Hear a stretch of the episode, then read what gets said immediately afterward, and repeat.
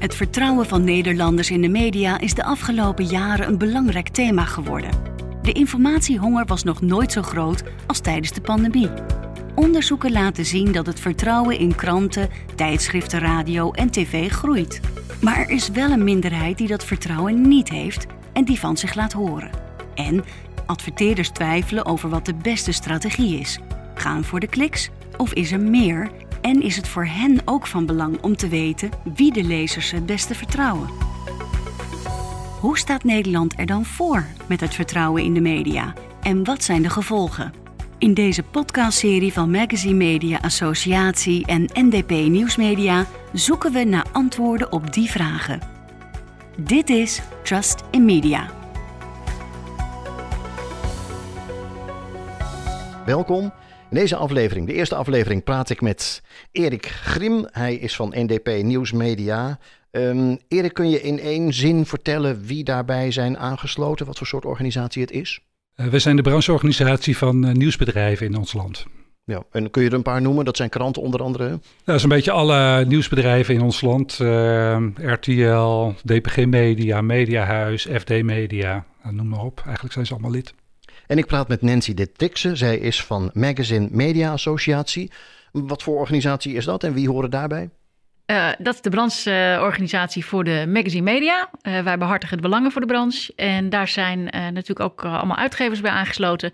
Waaronder ook DPG Media, Heurst, New School Media, maar ook VDS, Senior Publications, uh, Groei en Bloei, uh, zowel groot als klein, uh, zijn bij ons vertegenwoordigd. Ja, ja, en met groot bedoel je ook de echte, nou de tijdschriften die iedereen kent, hè? Juist, ook. Maar ook de, de niche-titels, zeker ook. Ja. ja, de kleinere. Dus zoals een, een Top Gear magazine bijvoorbeeld. Mm -hmm, ja. ja. er zijn heel veel magazines in Nederland, hè? er zijn er zo'n 1100 ongeveer. 1100? Ja. En dat zijn er inderdaad uh, wel veel. Maar dat is wat uh, het handboek voor de Nederlandse pers altijd registreert. Ja, ja. zijn wij het land uh, ter wereld misschien wel met de meeste relatief Als we kijken naar andere landen, zijn wij wel een land met veel tijdschriften. ook echt wel een abonnementenland. dat zijn we eigenlijk altijd geweest. Ja, ja, zeker. We praten in Trusting Media over, hè, de titel zegt het al, over vertrouwen dat mensen in de media hebben. Um, Erik, ik wil met jou beginnen. Moet je vaker mensen in je omgeving uitleggen dat het vertrouwen van Nederlanders in de traditionele media groeit in plaats van afneemt? Mm, ja, eigenlijk. Kijk, trust in media was eigenlijk een begrip wat tot jaren vijf geleden. was eigenlijk meer een gewoonte. Iedereen vond het heel erg normaal. Maar onder de invloed van alternative facts, nepnieuws en al, dat soort ontwikkelingen. was het toch opeens heel erg bijzonder. En vanaf dat moment kwam ook de, de focus op dat uh, onderwerp te staan. En dan was het echt interessant om dat uh, te volgen. Eigenlijk in de aanloop naar de pandemie dachten mensen van er wordt zoveel kritisch bericht, die, uh, dat vertrouwen zal wel gedaald zijn. Nou, vorige week kwam er een uh, Digital News Report uit van het commissariat van de media.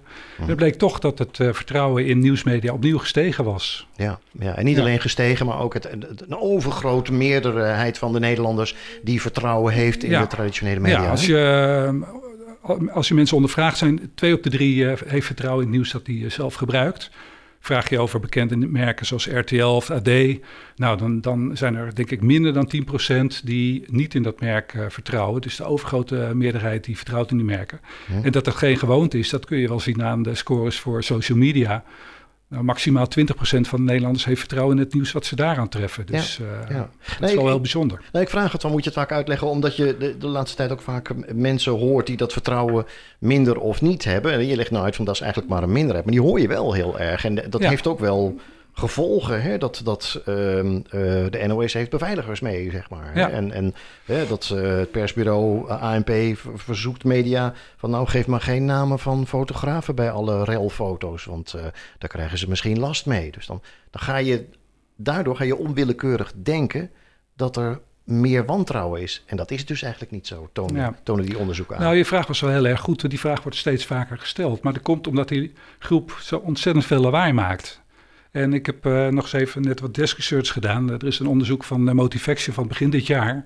En die heeft gepinpoint dat, er, dat het een groep is van een, ongeveer 9% in Nederland. Dat is natuurlijk niet te verwaarlozen. Op een land van 17 miljoen zijn dat natuurlijk nog steeds tussen anderhalf en 2 miljoen mensen. Maar dat is natuurlijk wel een, een minderheid. En als je kijkt naar het profiel, mensen zijn jong, ze hebben middelbaar geschoold, iets lager inkomen.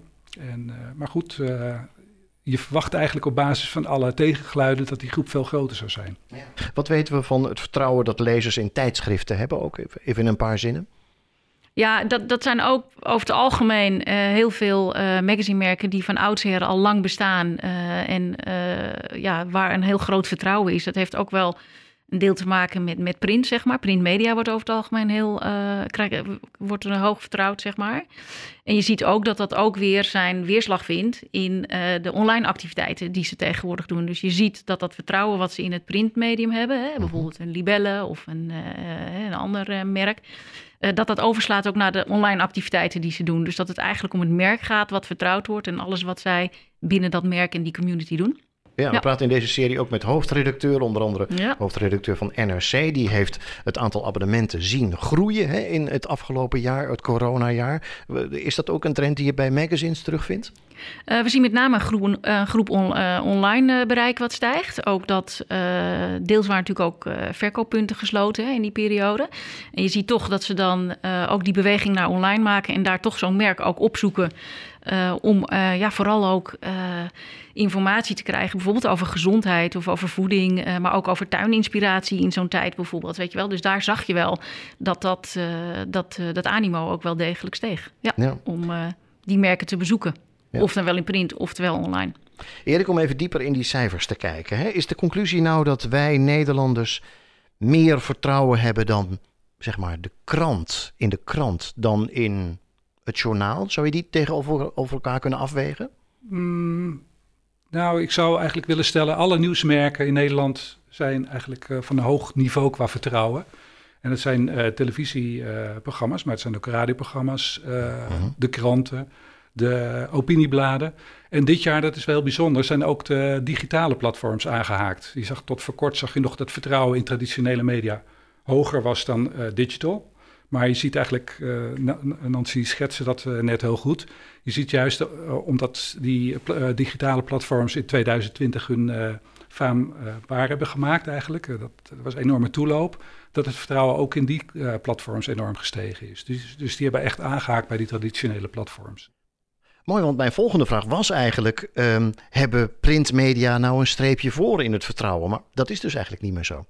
Nee, het gaat eigenlijk gewoon om, om het vertrouwen in het nieuwsmerk. En dat, die nieuwsmerken zijn natuurlijk tegenwoordig heel breed geworden. Die zitten in print, die zitten in uh, e-papers. Uh, er zijn radioprogramma's en podcasts worden er gemaakt. Ze zijn op alle platforms terug te vinden. Dus dat eigenlijk kun je het best gewoon over nieuwsmerken in het algemeen hebben. En er zijn eigenlijk weinig uitzonderingen te bedenken daarop. Ja, ja, ik zei het al, ik ga nog praten met, uh, met hoofdredacteuren. Uh, ze hebben alle twee een heel eigen verhaal bij dat vertrouwen wat lezers hebben in hun medium, in hun nieuwsmerk moet je eigenlijk zeggen, hè? of in hun magazinemerk. Er is een heel platform, trustinmedia.nl, met veel informatie. Erik, wat kan ik daarop vinden? Ja, we hebben de afgelopen twee jaar enorm veel uh, onderzoeken verzameld en heel veel learnings eruit gehaald. En uh, dat willen we natuurlijk delen met alle mensen die met, professioneel met marketingcommunicatie bezig zijn. En we verwerken dat in podcasts, zoals je net al zei. We hebben interviews gehouden en die zijn daar terug te lezen. Er zijn actuele artikelen te vinden met de allerlaatste onderzoeken. we hebben white een prachtig whitepaper geschreven de afgelopen week met alle, alle learnings tot nu toe. En er zijn ook presentaties te vinden voor het geval je zelf een verhaal over Trusty Media moet houden. Ja, we, eigenlijk een, een, jaar lang zijn we wel al bezig met verzamelen van allerlei studies. Uh, die over vertrouwen in media gaan. Dus dat, en dat zijn eigenlijk ook allemaal verschillende bronnen. Dat zijn uh, studies van onderzoeksbureaus, van mediabureaus, uh, van trendbureaus, exploitanten, brandsverenigingen en dan ook wereldwijd. En eigenlijk is daar wel een hele rode draad in te vinden, zeg maar, qua conclusies die we kunnen trekken. Ja, en, Dat, is, en dat hebben we verzameld. Vertrouwen groeit. Uh, nou, vertrouwen vooral belangrijk is. Ook uh, perceptie van de consument. En daarmee ook de impact op reclame. Ja, ja, ja. ja.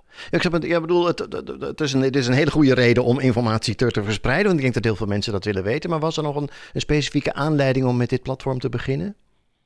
Uh, nou, we zien wel dat inderdaad wat je zegt, het vertrouwen in nieuwsmedia en uh, magazinemedia wel heel groot is ook. Hè? En dan hebben we het over alle, alle platformen, over print en over de online activiteiten. Dat was wel een rode draad die je overal in terugzag. En dat dat gewoon ook wel uh, ziet in resultaten qua reclamecampagnes en de effecten daarop. Verschillende KPI's die, die, waar het effect groot is als je vertrouwde media inzet. Dus als je, je kunt je targeting nog zo op orde hebben, maar als je niet in een vertrouwde omgeving staat, dan komt je boodschap niet over. Helder. Ja, ik wil graag even voorkomen dat mensen hier denken dat er een soort uh, grote olifant in de kamer staat waar wij het dan niet over willen, willen hebben. Um, uh, Trust in Media, is die aanleiding om te beginnen misschien ook dat er een soort ja, crisis op handen is in het verdienmodel van print media. Ik, ik denk even aan het verdwijnen van Viva natuurlijk. Ja. Nee, het klopt. Er zijn natuurlijk nu uh, de afgelopen tijd een aantal berichten ook geweest dat er natuurlijk titels gestopt zijn. Er zijn zo'n uh -huh. tien titels, uh, waarvan ook natuurlijk bekende titels. Um, nou ja, ik zei net al in het begin, hè, we hebben zo'n 1100 magazines in de markt. Dus het is natuurlijk eigenlijk een heel klein deel. er worden ook titels gelanceerd. Maar het klopt natuurlijk dat titels ook stoppen. Um, ja, ik denk dat dat eigenlijk een, een hele gezonde en logische ontwikkeling is. Dat uitgevers regelmatig naar hun portfolio kijken en ook gaan besluiten van oké, met welke titels willen we de toekomst in? Zijn toekomstbestendig? Uh, hè, dat, dat ze dat bepalen. Dat gebeurt natuurlijk ook in andere branches. de Unilevers van deze wereld bekijken ook regelmatig hun merkportfolio, stoppen ook met bepaalde merken. Of tv-programma's die natuurlijk stoppen. Dus ik denk dat dat een, eigenlijk een hele gezonde ontwikkeling is. En ik denk dat de, de impact van magazine-merken eigenlijk alleen maar groter wordt door alle kanalen die om zo'n merk heen zit, wat van oorsprong vanuit print begonnen is, maar met allemaal e-courses, e-commerce, events, uh, et cetera, alleen maar groter zijn geworden. En ik denk dat je eigenlijk alleen maar hele krachtige merken overhoudt die uh, de toekomst heel goed in kunnen. Ja, ja, ja. ja. Nou, ik vroeg het omdat ik ook in, in de media wel mensen echt heel zorgelijk hoorde spreken van, uh, jongen, jongen, als dit verdwijnt, dan hè, we, hebben we te maken met een crisis. Hè, gaan de magazines de toekomst wel overleven? Nee, er zijn zeker ook heel veel magazinemerken die het, uh, die het heel goed doen. Ja. Ja, ja. Ik wil even naar het, uh, het coronajaar. Erik, um, uh, kun je zeggen dat corona voor uh, de kranten hè, als groep heeft betekend dat er een aanwas was? Of geldt dat alleen voor een paar kranten? Weet je dat? Ja, dat weet ik. eigenlijk, ik, ik, verzamel ook alle, jaarlijks alle branchegegevens. En eigenlijk zag je bij alle titels gebeuren dat het aantal betaalrelaties, zo noemen we dat, aantal betalende lezers toe is genomen. En dat is mooi natuurlijk, want uh, ja, uh, op de advertentiemarkt zag het er heel somber uit even. -huh. Maar uiteindelijk is eigenlijk de, op de lezersmarkt genoeg verdiend om het verlies op de advertentiemarkt te compenseren. Ja. En is dat omdat lezers zeg maar, meer informatie, honger kregen? Meer dachten, ja, nu moet ik echt even weten hoe zit het dan precies met dat virus? Ja, dat, dat zeg je mooi. Zeker in digitale omgeving zag je echt wel uh, de tijd die ze daar spendeerden verdubbelen. En uh, iedereen begrijpt ook als... Verdubbelen, echt waar? Ja, je zag echt wel uh, dat daar uh, ruim een half uur per, per dag werd er rondge, rondgebrowst. En, en mensen besef, beseffen echt wel dat dat, en zeker de jonge doelgroepen, dat het maken van nieuws gewoon geld kost. Er zitten daar natuurlijk heel wat journalisten keihard te werken. -huh. En dat besef is er en ehm, de behoefte was er. Dus dat, die digitale producten die sloegen goed aan in 2020. Wauw, verdubbelen zeg. Dat zijn echt cijfers die er niet om liggen. En Nancy, hoe, hoe was dat bij, bij de tijdschriften dan? Kun je daar iets... Ja, 1100, ik snap het. Ik bedoel, je kunt niet, maar kun je er toch iets over zeggen? Ja, we zagen bij de tijdschriften ook wel dat uh, het abonnementenbestand bijvoorbeeld heel uh, stabiel is gebleven of groeide bij uh, heel veel merken. Mm -hmm. los verkoop was natuurlijk wel iets zwaarder, omdat gewoon verkooppunten natuurlijk gesloten bleven. Oh ja, maar ja. qua abonnementenstand is dat ook wel eigenlijk heel, heel goed gegaan. ja. ja. Ja, en is dat dan ook vanwege uh, uh, ja, die reden die lezers misschien hebben om te zeggen: als ik dan toch informatie moet krijgen, dan wil ik hem hebben van een merk wat ik al ken, een merk wat ik vertrouw? In, in tijden van onzekerheid, zoals dan met corona bijvoorbeeld, zie je dat mensen natuurlijk wel uh, weet het, de, de, de, zoeken naar merken waar ze, die ze vertrouwen, inderdaad. Dus ik denk wel, wat ik net al ook als voorbeeld gaf op het gebied van gezondheid of voeding, et cetera, dat ze dan wel zo'n het merk wat ze als, als magazine altijd al lezen, dat ze daar juist wel naar op zoek gaan. Ja, ja, ja. dat, dat die engagement is wel heel groot. Ja. Het, het, klinkt bijna tegenstrijdig. Al die, die redacties waren helemaal leeg. Heel veel mensen werkten thuis. Dat, is niet, dat zijn niet de fijnste omstandigheden waaronder je een krant of een magazine aan het maken bent. En ondertussen komen de lezers en die zeggen: geef ons informatie. Dat, het lijkt me, dat, dat zal best lastig geweest zijn, bedoel ik.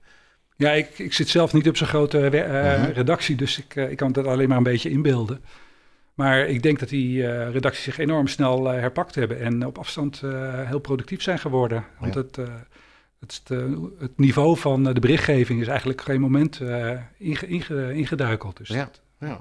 Ik, wat mij bij die meest recente onderzoeken opviel is dat tijdens die periode van corona het vertrouwen in Nederlandse media dat is toegenomen. Maar wat mij opviel is dat adverteerders daar ook wat aan hebben. Het, het halo-effect wordt dat genoemd.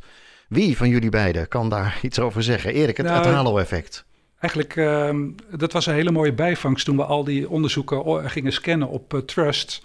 Wisten we natuurlijk van, we, we, willen graag weten hoe die me, uh, media ervoor staan qua vertrouwen. Maar wat we zagen, en uh, zeker specifieke onderzoeken, is dat de aandacht die je krijgt in, in vertrouwde media, dat heel positief werkt voor adverteerders. En Nancy schetst het al, dat werkt door op de effectiviteit van de campagnes.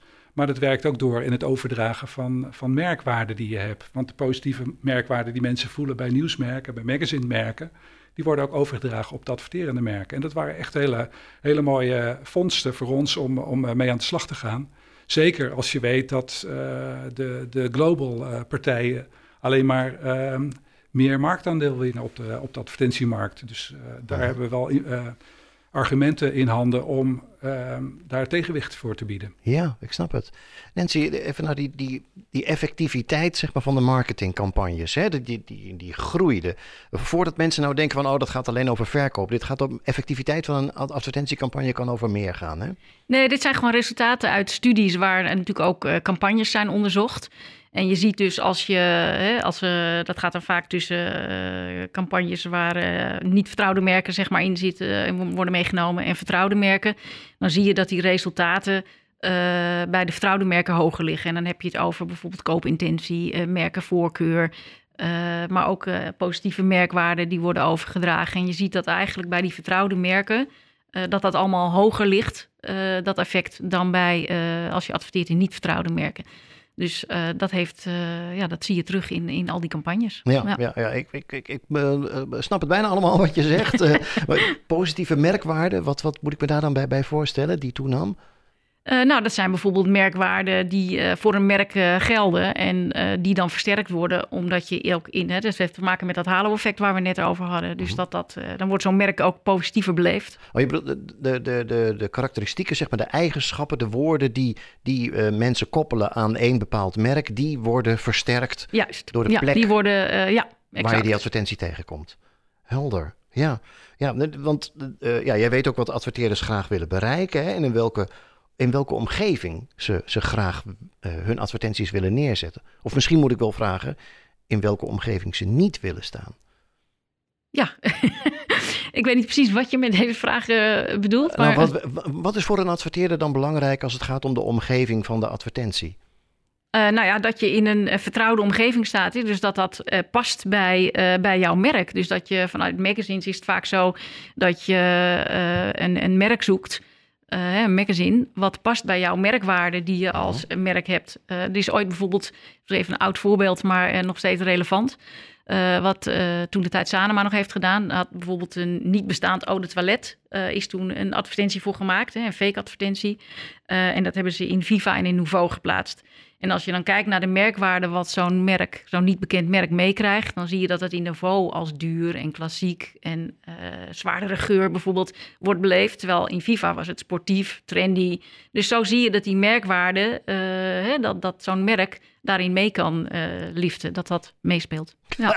En dat is eigenlijk nog steeds aan de orde. Ik vind het een fantastisch Dat is het halo-effect. ja, Dat is inderdaad het halen. Ja, dat zijn fantastische experimenten eigenlijk dit. Ja. Ja, ja. Dus, Oké, okay, maar toch nog even, want, want wat ik niet hoor hierin is aantallen bezoekers, uh, kliks, et cetera. Terwijl... Ja, het engagement meer. Ja. ja.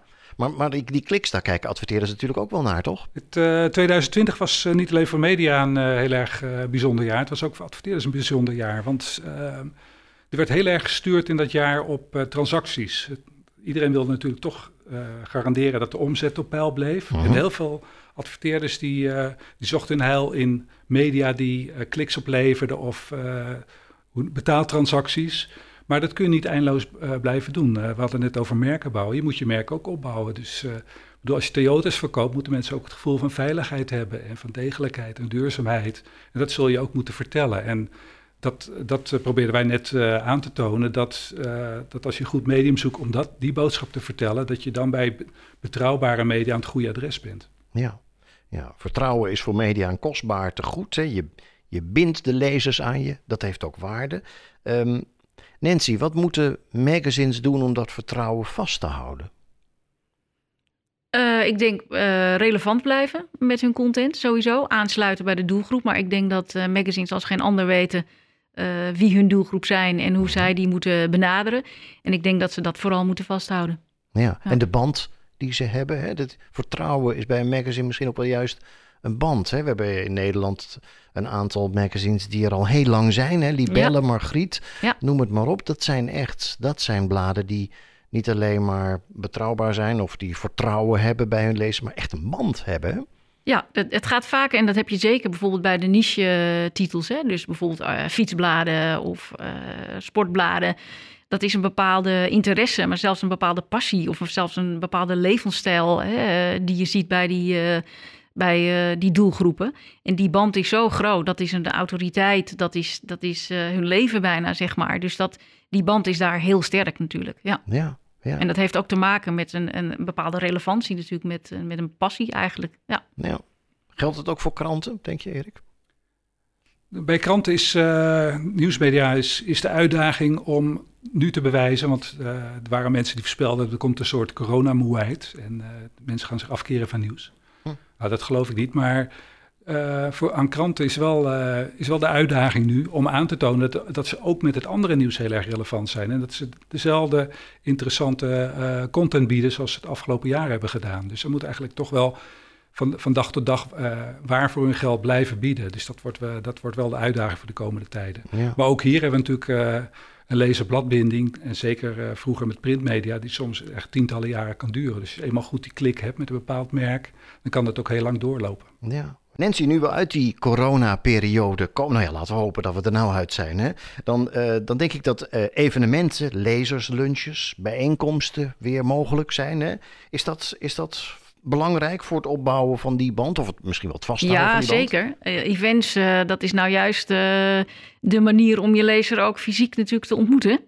en nou ja, de laatste jaren is dat natuurlijk al enorm gegroeid de, de events. Hè. Uh, heel veel merken hebben ook, heel veel magazine-merken hebben een event. Uh, in de coronatijd zijn ook heel veel online events natuurlijk georganiseerd en e-courses en dergelijke. Dat heeft ook wel een vlucht gemaakt. Maar die fysieke ontmoeting op een uh, Margriet Winterfair of een Libelle Zomerweek of een Truckstar ja, dat is heel belangrijk. Ja. ja. Nou, ik vraag het omdat... Ik, omdat je dan echt fysiek je lezer ontmoet. Ja, maar het zijn er maar een paar, toch? Of een paar, nou, dat, dat is een grote groep, maar het staat niet in verhouding tot de hoeveelheid abonnementen die je hebt. Uh, nou, er zijn hele grote events natuurlijk. En, en ook die veel specifieker zijn. Maar uh, hè, zoals een Happiness heeft ook een eigen event. Uh, maar dat is wel heel belangrijk voor die lezer. Ja. ja. En hoe, hoe, hoe, zouden kranten dat kunnen doen? Ja, kranten hebben niet zulke evenement. Er is niet een, een, een Volkskrant-evenement of een, een NRC-evenement, zeg maar. Maar toch hebben zij ook een hele goede binding met hun lezer. Ja, klopt. Ja, dat is, gaat niet zo ver als bij de magazines. Maar je kan je wel voorstellen dat er af en toe debatavonden zijn voor bepaalde nieuwsmerken. Er zijn ook ehm, bezoeken aan uh, culturele instellingen. Er wordt van alles georganiseerd, maar dat, dat verschilt heel erg van merk tot merk. Ook wat ze vinden horen bij hun identiteit. Dus dat is niet één uh, one-size-fits-all uh, oplossing voor, uh, voor een nieuwsmerk. Nee. En kranten hebben natuurlijk ook een heel goede ja, online aanwezigheid, hè, waar lezers vragen kunnen stellen, waar ze ja, meer kunnen, te weten kunnen komen. dat is natuurlijk ook voor, voor lezers, dat kan ook een heel belangrijk ding zijn.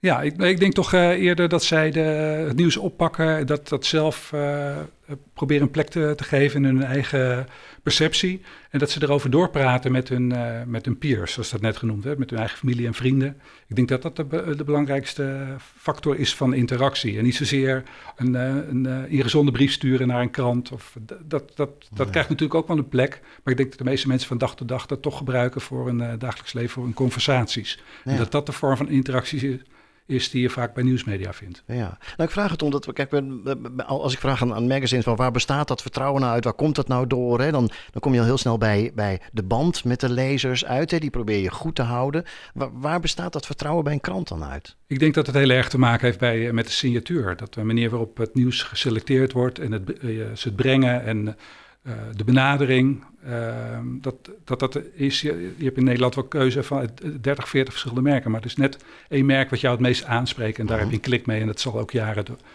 uh, voort blijven bestaan. Ik denk dat dat het bijzondere is van, van nieuwsmedia. Ja, dus het kan zo zijn dat ze ja, nieuws selecteren vanuit een bepaalde politieke signatuur die je zelf hebt. Hè? Als je, we hebben in Nederland echt wel een duidelijk verschil zeg maar, in linkse, ja. rechtse weging, zou je kunnen zeggen, in kranten.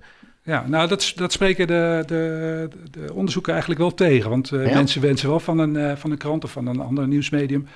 dat ze eigenlijk alle, alle geluiden in een uh, samenleving laten horen en in de volle breedte. En dat wordt juist op prijs gesteld. Dus signatuur zit toch in andere zaken ook. Ja, wat dan? Kun je nog iets meer daarover vertellen? Ik denk toch de onderwerpkeuze, de, de, de, columnisten, dat soort zaken. Waar je meer bij thuis voelt en waar, waar je meer een, klankbord in vindt. Hmm. Dus dat is eigenlijk meer de, de, manier van aanspreken. Misschien zelfs wel de manier van, van schrijven. Zou kunnen, zou kunnen, ja. Ja.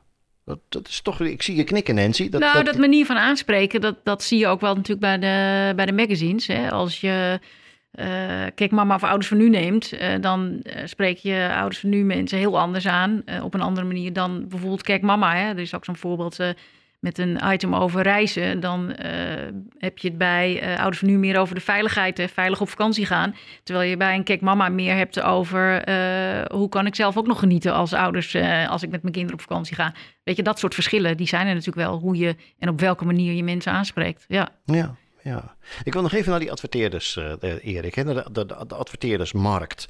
Um, we hebben het nu over hoe belangrijk uh, die, uh, de omgeving van een advertentie is voor hoe mensen die advertentie beleven. Zien adverteerders dat zelf dan ook wel? want, want, want zoals, zoals je het aan mij uitlegt, denk ik, dat is het belangrijkste wat je als adverteerder kunt krijgen, toch? Klopt, maar uh, adverteerders hebben eigenlijk een hele andere drive gehad de afgelopen tijd. Vooral als ze in de digitale omgeving adverteren. Eigenlijk zoeken, zijn ze op zoek naar een bepaalde veiligheid voor een, uh, voor een campagnes. En uh, daar zit een soort vermijdend gedrag op in om ehm, content, binnen content te staan die, die, die schadelijk is voor een merk. Denk aan geweld, aan haat, aan seks, daar willen ze niet bij zijn. Dus ze proberen, mhm. zijn meer aan het vermijden om kwalijke content, uh, uh, om daartussen te staan, dan dat ze positieve uh, content opzoeken. En dat is juist eigenlijk de prikkel die wij met dit project willen afgeven. Ja, precies. Ja, dat is niet zozeer een negatieve keuze, maar meer van wat kun je ermee bereiken precies. met die omgeving. Ja. ja. En dat is dat halo-effect. Dat is het halo-effect. En het halo-effect is ook hè, wat we net noemden, die, die positieve gevoelens die je bij een nieuwsmerk of bij een magazinemerk, dat je die ook eigenlijk vindt uitstralen naar het uh, adverterende merk. Dus als, als dat, dat nieuwsmerk betrouwbaar is of dat magazine, uh, dat magazinemerk jou vertrouwd aanvoelt, dat dat adverterende merk hetzelfde gevoel oproept. Dus als je het zo interpreteert, dan is Trust in Media eigenlijk ook een soort ja, pleidooi bijna voor let eens wat beter op adverteerders waar je staat en probeer niet te kiezen voor het negatieve. Daar wil ik niet, maar daar wil ik wel. Is dat het? Ja, wij pleiten al uh, met de brandsorganisaties, uh, Maxi Media Associatie en NDP Nieuwsmedia, uh, om vertrouwen als criterium mee te nemen in je mediaplanning, in mediastrategie, mediakeuze, omdat dat je campagne kun, kan optimaliseren. En het is eigenlijk een belangrijke vraag als adverteerder om te stellen van hè, welke media vertrouw ik mijn merk toe? Ik denk dat dat een belangrijke vraag is. Bedankt voor dit gesprek. Graag gedaan. Graag gedaan. Trust in Media is een initiatief van Magazine Media Associatie en NDP Nieuwsmedia. Deze podcast is gemaakt door Audiodroom in samenwerking met Mediatic en Rocket24. Meer weten over Trust in Media en de invloed van dit vertrouwen uh, op de samenleving, het mediavak, op advertising, waar we het net over hadden. Op www.trustinmedia.nl vind je meer informatie.